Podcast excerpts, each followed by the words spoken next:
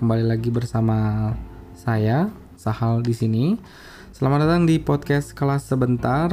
Kita ngomongin soal business development, marketing, branding. Kita belajar bersama mengenai teori teori soal pemasaran dan lebih banyak insight yang mungkin bisa berguna bagi kehidupan kalian dalam menjual produk, memasarkan sesuatu sehingga coba kita kemas dalam sesuatu yang ringan dan lebih mudah dimengerti karena sebenarnya ide dasarnya kelas sebentar ini adalah untuk menjangkau teman-teman dari mahasiswa yang saya ajar.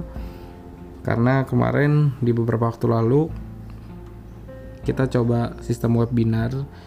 Komunikasinya oke dua arah. Namun pada akhirnya ada beberapa materi yang harus disampaikan berulang dan kadang-kadang kalian nggak bisa nanya secara langsung mungkin karena memang konsep dari materi yang saya ajarkan belum terlalu dimengerti. Nah kita masuk ke platform podcast supaya kalian bisa mendengarkan kembali mencatat lagi yang kalian perlukan supaya nanti pada akhirnya kita sama-sama paham apa yang saya maksud. Dan semoga ini bisa berguna juga buat teman-teman yang baru mendengarkan, baru bergabung bersama saya di kelas sebentar. Kalau sebelumnya keempat ini kita akan ngebahas soal bagaimana membuat produk unggulan di produk yang kalian bikin tentunya nggak mau dong punya waktu yang sebentar atau ketika di awal bikin kita bisa laku kemudian bisa ngejual dengan harga yang bagus tapi ketika perjalanannya produk itu dipasarkan kembali berminggu berminggu-minggu kemudian atau berbulan-bulan kemudian kalian terdapat penurunan dan ini jadi nggak diminati lagi karena komputer udah bisa ngebaca apa value dari produk kalian. Oke, uh, masuk ke materi kita hari ini. Kalau ngomongin soal produk di dalamnya ini adalah hmm, bagian dari salah satu teori dari bauran pemasaran atau dalam bahasa Inggris marketing mix. Di dalamnya ada empat subjek, ada produk, place, price, and promotion. Di mana kalau kita bisa gabungin ini secara keseluruhan, kita bisa mengoptimalkan penjualan. Bukan berarti marketing mix ini kita lakukan step by step, kayak oke okay, kita bikin produk dulu, kemudian tempatnya di mana nanti berjualannya, menentukan harga dan bagaimana cara promosinya. Tapi kalau dari saya sendiri, marketing mix itu adalah gabungan dari semuanya karena ketika ngomongin produk bisa aja beriringan dengan price dan ketika ngomongin place atau tempat kita nanti akan berjualan bisa berhubungan juga dengan promotion. Nah, digabung semuanya supaya bisa menghasilkan penjualan yang optimal. Nah, sebelum ngomongin soal produk, saya mau cerita sedikit dari salah satu produk yang saya pakai. Saya pakai kendaraan dari motor Honda dan kalau nggak salah dulu ketika tahun 70-an Honda itu punya yang namanya produk unggulan. Dulu produk unggulan Honda itu ada CB Super Cup, kemudian ada CB 125, CB 150, CB 250 gitu. Jadi buat teman-teman yang nggak tahu uh, kalian bisa lihat filmnya Dilan yang dipakai di film itu. Nah, itu CB 125 dan jujur bagi saya itu produk bagus banget karena itu juga mengawali produk-produk motor seperti sekarang ada motor CBR dan ada juga motor GL, Tiger dan segala macam untuk produk-produk sejenis. Sampai akhirnya ada kompetitor yang mungkin punya atau bisa meniru lah sebenarnya bisa meniru dari produk Honda berjuang untuk uh, tetap survive ngejual produk itu tersebut dan pada akhirnya kalah sama penjualan dari motor Matic gitu. Karena penjualan motor matic waktu itu diawali dari motor uh, Mio kalau nggak salah ya dari Yamaha. Kemudian dilawan sama Honda lagi yang tadinya coba dari sistem-sistem 4 tak waktu itu akhirnya masuk ke sistem Matic. Ada Pit waktu itu kemudian ada Vario yang sekarang juga Vario masih diperhitungkan. Dan yang terbaru produk unggulan Honda udah ada Honda PCX dan motor-motor yang lain ada CBR bahkan sudah sampai 1000 1000 cc dan di sini yang saya mau kasih tahu ke kalian bahwa nggak ada produk yang akan hidup selamanya. Bahkan produk unggulan sekalipun dari suatu brand akan diganti. Karena konsepnya kalau menurut saya kalau ngomongin produk sebenarnya boleh mati atau boleh direview atau boleh diperbaiki uh, kualitasnya atau servisnya. Tapi ketika produk ini udah nggak works lagi atau nggak sesuai dengan zamannya ya brand harus tetap hidup brand tetap harus profit dan ini sulit juga bagi konsep pemasaran yang harus seimbang juga ketika pengen penjualan naik ya produk development juga harus dipikirkan. Nah ini dia manajemen produk. Pertama ketika produk ini diciptakan kita harus mulai ngomongin pengembangan produk. Kedua dikelola siklus hidupnya atau produk life cycle management. Yang ketiga dikelola portofolio produknya. Nah, ketiga ini punya tingkatan yang berbeda di mana kalau yang pertama ngomongin produk baru yang cepat sekaligus bisa sukses di pasar. Pertama, kita akan mulai dari pencarian ide atau bisnis yang akan dikembangkan. Discovery, kita discovery dulu pertama, kemudian setelah kita bisa menemukan ide-ide baru tersebut yang bisa dikembangkan, kita akan masuk untuk evaluasi apa sih kelayakan dari produk tersebut, apakah ini bisa memiliki daya tarik di pasar dan keunggulan produk ini benar-benar unggul gitu karena nggak jarang kalau misalnya kita bilang ini unggul ternyata bagi market kita atau bagi customer kita kayak ini nggak unggul-unggul banget sebenarnya. Kita yang pertama discovery, cari ide dulu, kemudian di screening idenya, apakah ini sesuai dengan yang kita mau, kemudian kita coba scoping dulu sebelum kita uh, development. Scoping itu semacam investi investigasi awal apakah ini benar-benar sesuai dengan yang kalian inginkan dari mulai HPP-nya dan apakah target penjualannya uh, bisa sesuai nanti ketika diterbitkan. Itu di tahap scoping, kemudian ketika udah berjalan secara administrasi dan udah tahu juga kita akan ke mana channel-channelnya, kita masuk ke development, kita skalakan ini berdasarkan kriteria finansial dan kalau udah di uh, masuk ke finansial kita bikin anggaran-anggarannya segala macam baru kita masuk ke development produk gitu. Jadi produk kita udah siap di development. Nah baru sebelum masuk di launching kita testing dulu di laboratorium. Oke kita ambil contoh kalau misalnya kita mau bikin baju uh, untuk anak-anak. Kira-kira idenya seperti apa ya? Oh ya ternyata kita akan jual dengan warna-warna cerah. Oke. Terus investigasi yang pertama atau scoping uh, kita evaluasi juga apakah memang kuning itu adalah warna yang disukai sama anak-anak. Jangan-jangan anak-anak sekarang itu lebih suka yang minimalis juga atau putih dengan hmm, desain yang sederhana. Udah udah diketahui juga ternyata oh ya kuning tuh masih tetap diinginkan loh sama pasar kita. Kemudian kita investigasi apakah benar-benar ini peminatnya besar atau banyak dan setelah di investigasi kita masukkan testing. Testing ini yang ngomongin soal finansial tadi uh, biayanya berapa, akan dijual berapa, terus kemudian dites di laboratorium, oh ternyata warna kuning yang nggak mudah luntur itu seperti apa, dan ternyata oke okay nih kuning yang seperti ini yang akan kita naikkan, kemudian baru di launching. Nah ini adalah konsep pertama dari mengembangkan produk baru supaya kalian bisa mempunyai produk.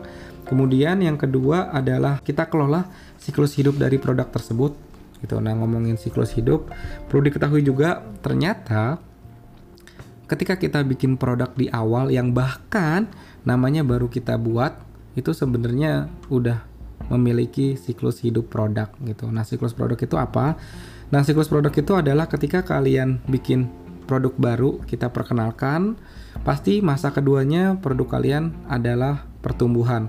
Jadi produk kalian tumbuh, penjualannya bagus, kemudian uh, profit meningkat, terus kemudian tahap ketiga udah mulai dewasa, udah mulai tinggi dan kalau kalian sudah masuk ke tahap ini siap-siap karena persaingan di masa ini adalah yang paling ketat.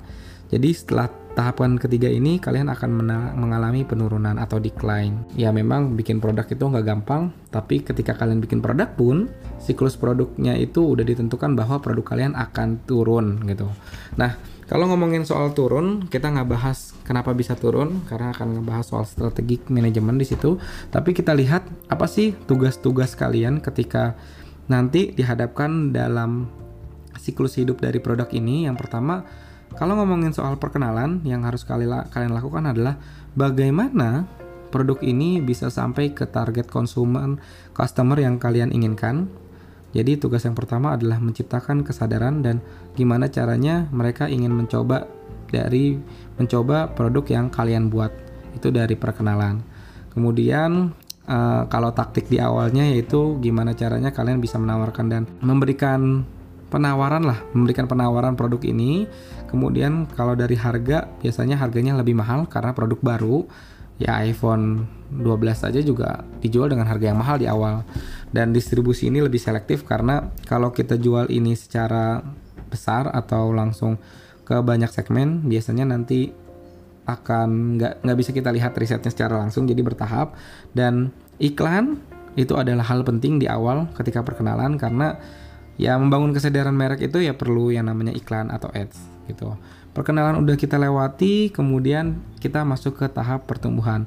Tugas dari masa pertumbuhan adalah bagaimana kalian bisa memaksimalkan pangsa pasar. Taktiknya biasanya kalian bisa menawarkan layanan tambahan dari produk kalian atau biasanya garansi. Garansinya apa nih kalau misalnya kita beli produk kalian?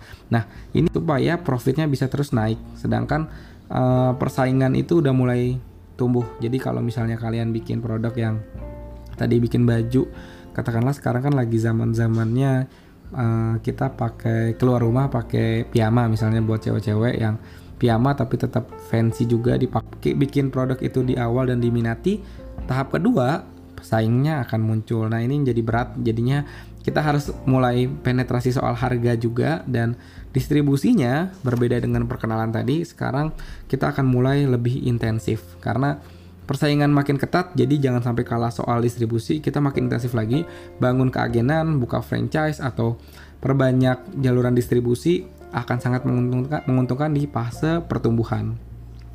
Nah kalau ngomongin soal iklan di masa pertumbuhan kita sama-sama uh, masih sama dengan sebelumnya terus membangun kesadaran dan daya tarik. Itu tahap kedua. Yang ketiga adalah kedewasaan. Nah kalau di tahap kedewasaan biasanya kalian akan mengalami harga per pelanggannya lebih rendah. Misalnya jadi 25.000 fase-fase tertinggi dalam menjual produk jadi udah sampai puncaknya dan biaya per pelanggannya udah makin turun nggak signifikan memang jadi Pertama launching kita jual harganya 30.000, kemudian ketika udah mulai tumbuh di harga 28.500 misalnya, terus ketika udah dalam penjualan tertinggi, kita bisa memanfaatkan uh, biaya-biaya yang sebenarnya jadi pembelinya jadi banyak, jadi kita bisa turunin dan dengan profit dengan customer yang makin tinggi, profit tetap akan tinggi juga. Nah, tugasnya di sini adalah bagaimana kalian bisa memaksimalkan profit dan mempertahankan pasar. Ini akan terjadi terus aja sampai nanti akan ada sinyal-sinyal bahwa kompetitor kalian sudah mulai banyak.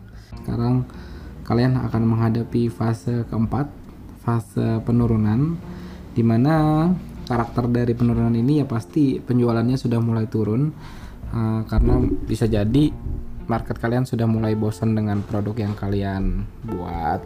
Dan kompetitor juga udah banyak.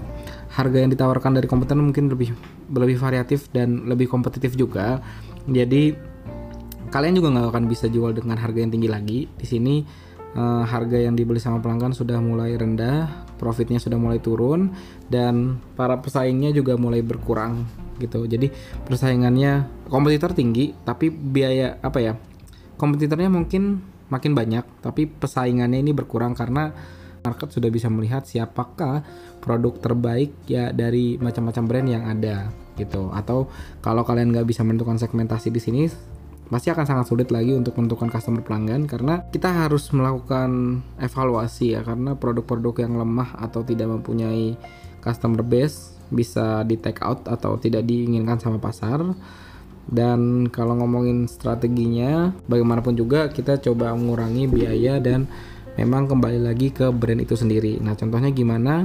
Kalau udah masa penurunan seperti ini uh, katakanlah kalian udah kalian jualan baju terus tadi kalau misalnya dari contohnya bunga bunga punya hijab in sekarang peminatnya udah rendah uh, oke okay lah tadi PMA tadi udah nggak masuk market lagi di tahun 2021 pertengahan udah mulai turun peminatnya. Nah yang harus dikembangkan di sini adalah kembali lagi ke hijab innya ini. Di, jadi kembali lagi ke mereknya ini. Kira-kira apa nih inovasi yang akan dilakukan gitu. Kalau ngomongin soal produk ya produk itu udah mati. Distribusinya juga udah mulai selektif.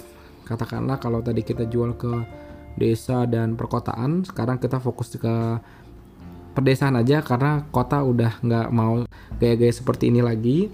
Dan iklan juga sebaiknya mulai dihentikan karena akan sangat buang-buang uang. Nah, untuk ngomongin solusi dari uh, siklus hidup produk ini, sebenarnya kalian bisa masuk ke dalam bagaimana cara untuk memanage produk kalian gitu. Jadi di sini ada BCG Matrix. Kita akan bahas di sesi berikutnya. Uh, kalau mau berbagi pengalaman, saya ceritain satu contoh dari warung abnormal. Jadi abnormal itu sebenarnya dulu punya produk yang diferensiasi soal makanan mie ada mie A, mie B, mie C dan yang lain-lain. Dan dia coba bikin produk itu sampai akhirnya kafenya dibikin banyak colokan. Kalian bisa nongkrong sampai malam bahkan 24 jam. Di Bandung juga banyak banget toko dan franchise-nya. Kemudian banyak kompetitor juga udah mulai uh, menjual produk yang sama.